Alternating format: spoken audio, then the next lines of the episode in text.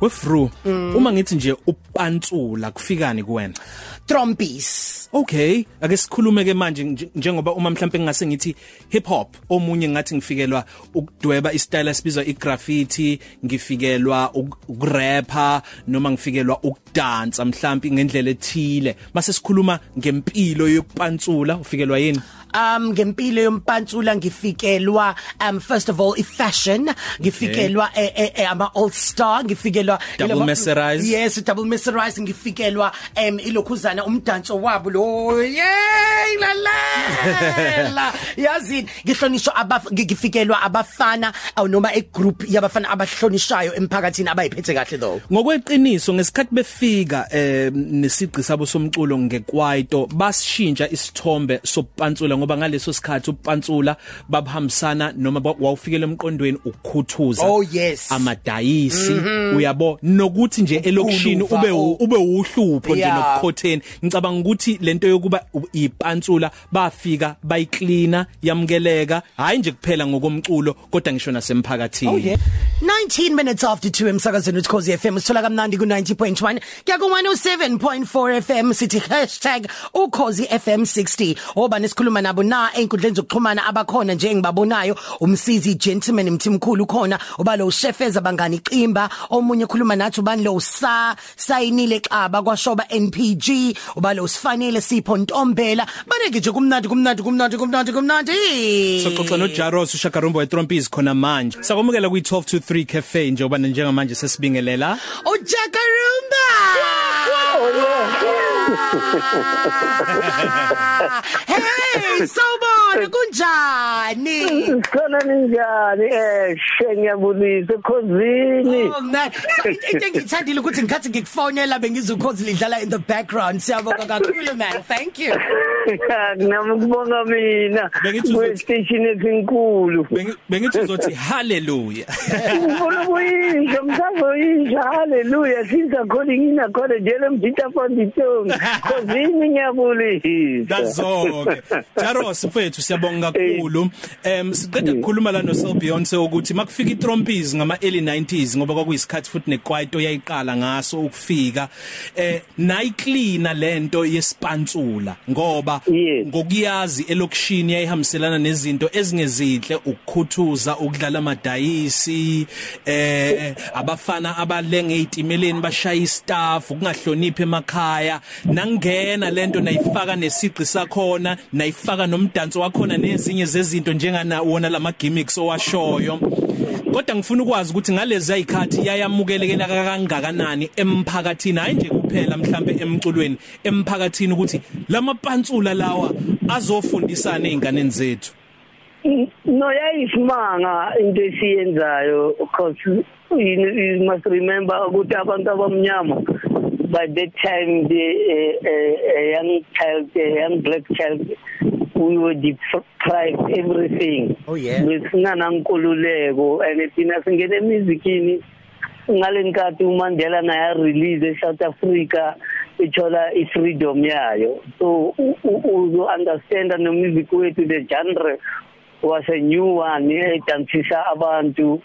And it was a lifestyle yethu amapantula ngoba thina eh, khule ngesipantula by the way ngene kulo music industry ngokudive isipantula and then ngasifundisa music ngaphakathi wow. So so lento le yo- yo- yo- yo- yokuthi ah, bayamukele le genre yethu no music wethu bokunjani ithina sayichange ngoba it was isiyenze ukuthi kube iculture ukuthi not everybody ogcoka i-all star ogcoka udlala amadayisi or ogcoka isport or i-dps yeah. ngasho ukuthi i- i- i- itsotsi ngoba abantu bebagcoka amadipisi nama-brand youth ekuqaleni they were like baba you know ngathi babahlanganisa na negelekeqe kanjalo bafaka ama sticker eEgna emotweni yeah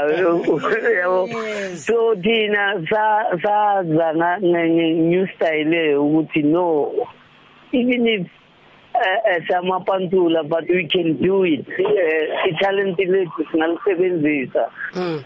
and luckily music wethu by then it was a new genre ukuthi by the way asiyithi it is kwaito music. It was the people's choice but no lo music.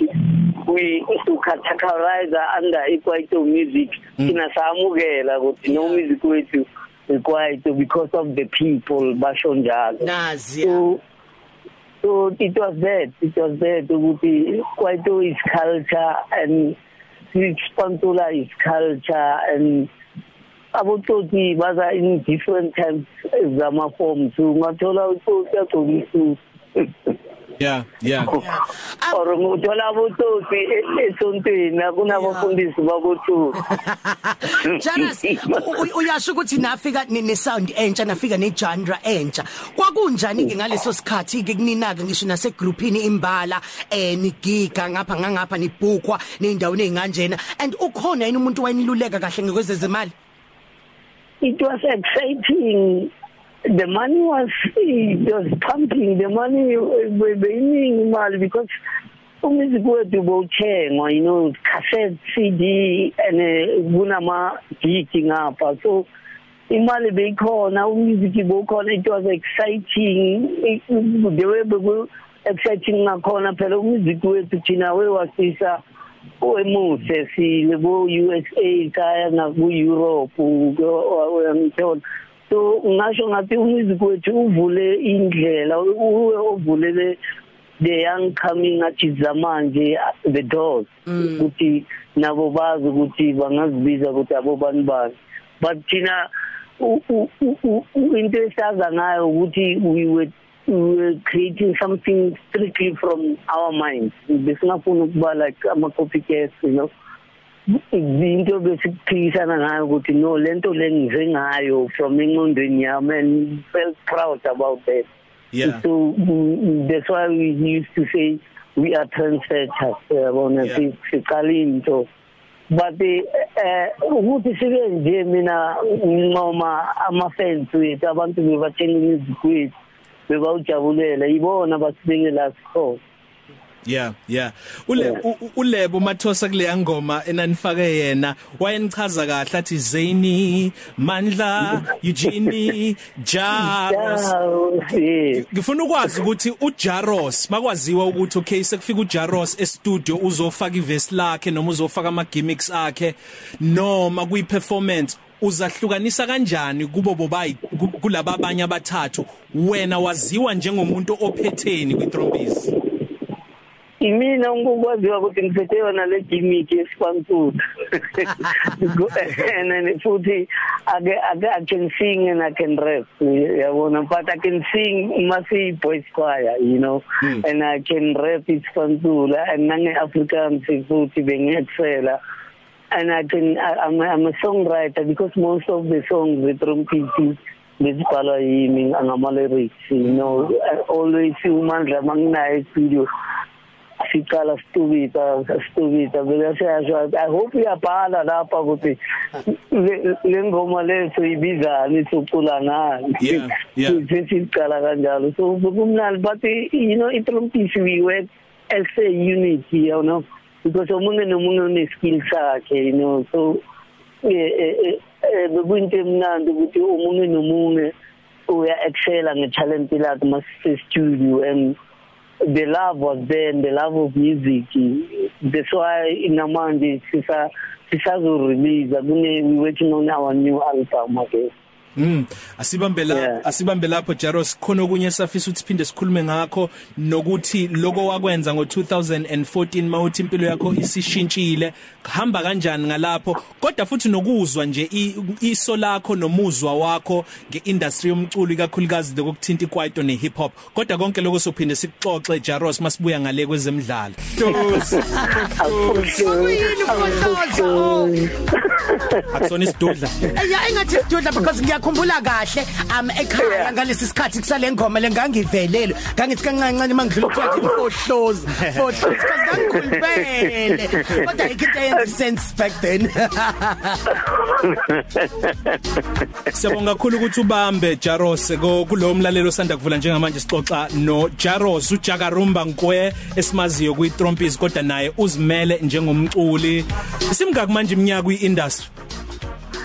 Ngathi 30 years mina ku-industry kodwa as as i-trumpet siku 26 years because eh saqala 1994 as i-trumpet mara kungena ngithi ngingene I was ngangena ngingeniswa uChico Thwala you know the legend ukuthi uyastopa lapha sijiva Yeah. ekuyokuseleni siwina ama competition mina no speaker so wathi no ngisengifuna nizo choreographer ama video ami nihambe nami e- e- ema festivalini nizoloko ningidansela Yeah. kula sathola inspiration khona. Wow. And itsenihamba ibange isenihamba ibange lead ake sizeke manje kweyakho impilo. Thina abantu esisebenza kwi media siyayisigxekwe kakhulu uma kuke kwenzeka into enjenganale esingena kuyona manje Yeah. uzosilawula eh usicorrect usiqondise usitshela ukuthi is wrong masi wrong ukuthi uma umuntu make kwenzeka wangena kuma drugs make kwenzeka waboshwa make kwenzeka kwakhona nje into mhlawumbe engamshiya abukeke emphakathini enechashaza njalo ke uma sekunengxoxo naye kuhleze kukhulunywa ngaleyo nto nakuwena Yeah. ke kwakhona sitsheleke siqhubeke noma sivele sibambe lapho ah ngoba no a- a- asichubeke baba asichubeke Mhlam- mhlawumbe ukuvela umchazele nje umlaleli ukuthi kwakwenzakalani mawuthatha isinqumo wasithatha ngo 2014 usiphi leso sinqumo usuhambe wafika manje nokushintsha impilo yakho? Um mina ukukhuluma iqiniso bo- I was a youngster or njengomunye umuntu I was I'm not perfect even now I, I, I wasn't I was not perfect and kodwa isinqumo ngasithatha ngisijabulele ngoba ngabona a change because mina bengi ngayibeka ngisifansula sami bengibudladlaza yo u- ubudlonya ya yabona utshwala bobubuzwa la Sure. Sure. Manje kunokuthi uhlangane nakuyo insango everything nakuma drugs kodwa kuma drugs angingenanga kakhulu because a- angingazilawula ukuthi le ayingangami because being thula because mina naturally I'm hyperactive. Ngathi ngizelwe before time that is I'm a primer yabo? Yeah. so imagine uthatha lezo zinto how you, I was now a monster ngingasahloniphi uh, let me be honest. Ngalizi focus emsebenzini wami kule talent enkulunkulu phela uNkulunkulu wanginikeza le talent ukuthi ngisiphilise ngayo. Ngaluza nefocus kuyo ngakhosta itrompisi that's why itrompisi ke yahlala isikhathi futhi inga release because uh bese ngithula nabangani bami you know nakuma meeting ngingasabizwa because uh, I would take my own decision. Ngithela inhliziyo you know I was you know I was reckless. I was uh, it was it was hard. Mina the way ngibona ngakhona manje i think bengiphila an evil life yabona? Uthola ukuthi manje ngikhumbula umungu ubhuti silapho eDurban.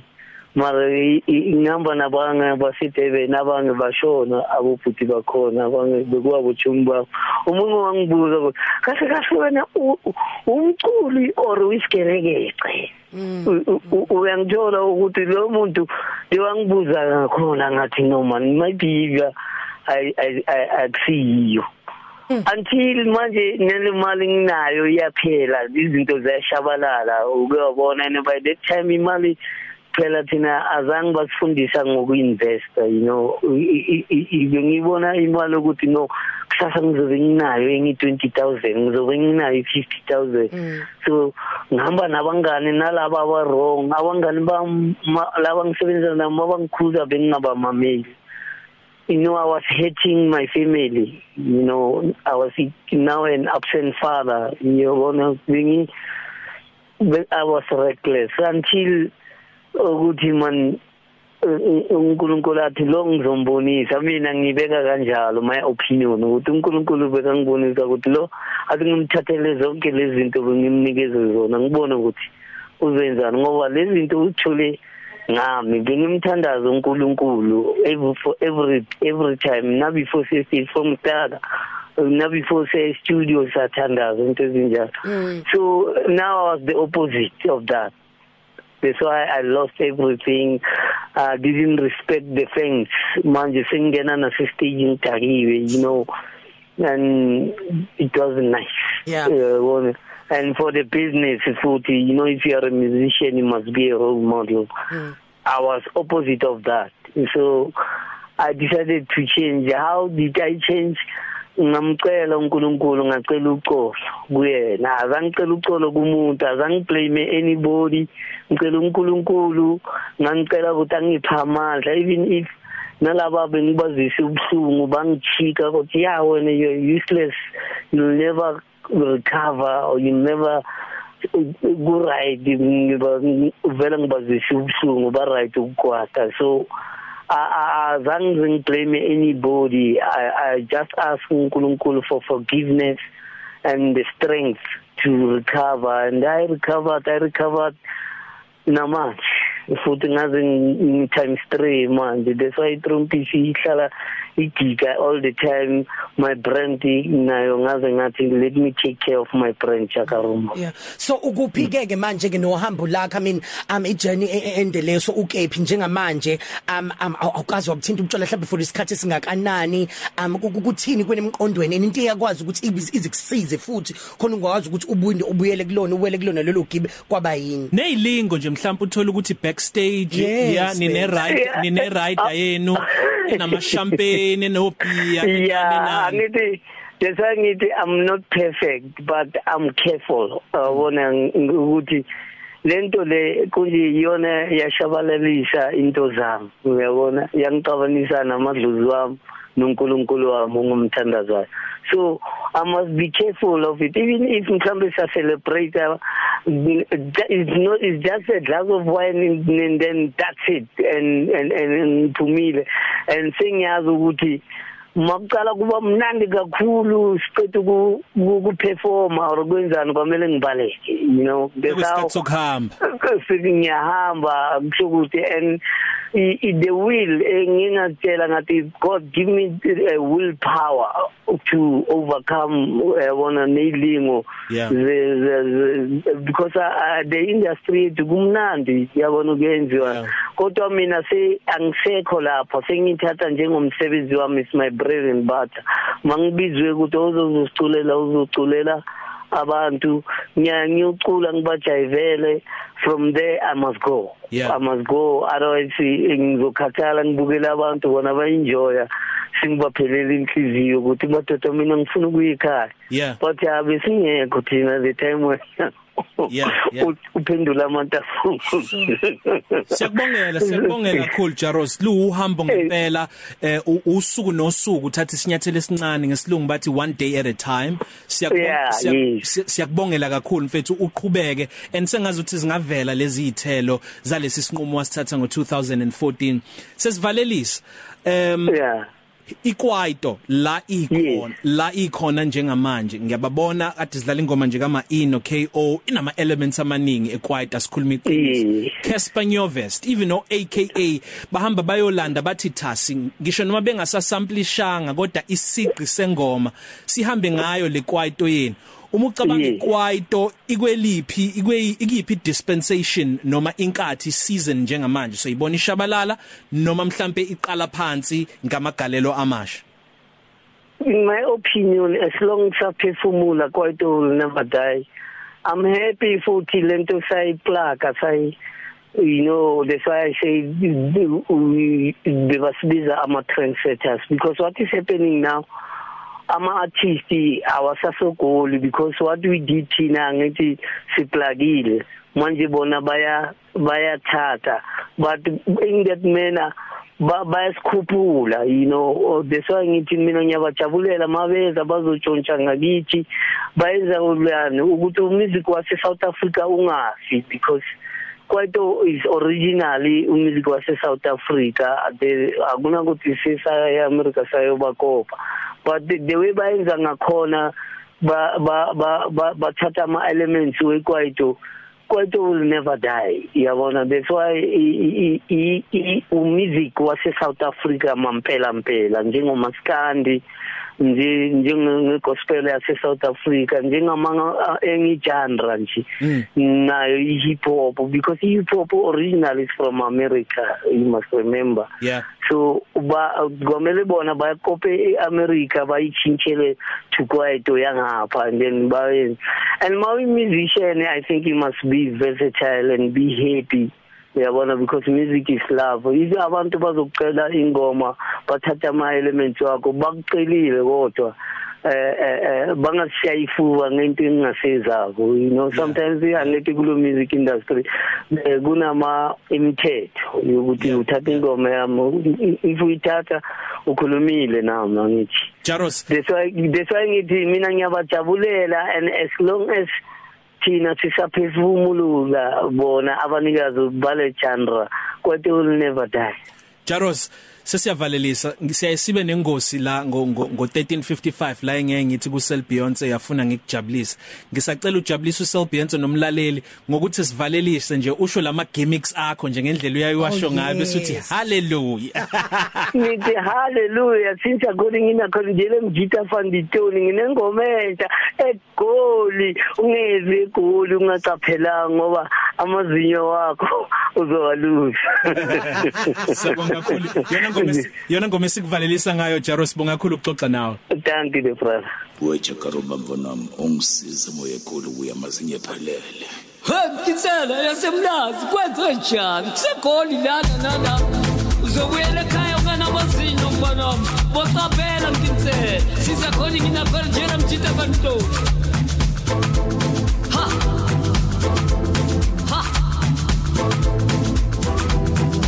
Jozi mamole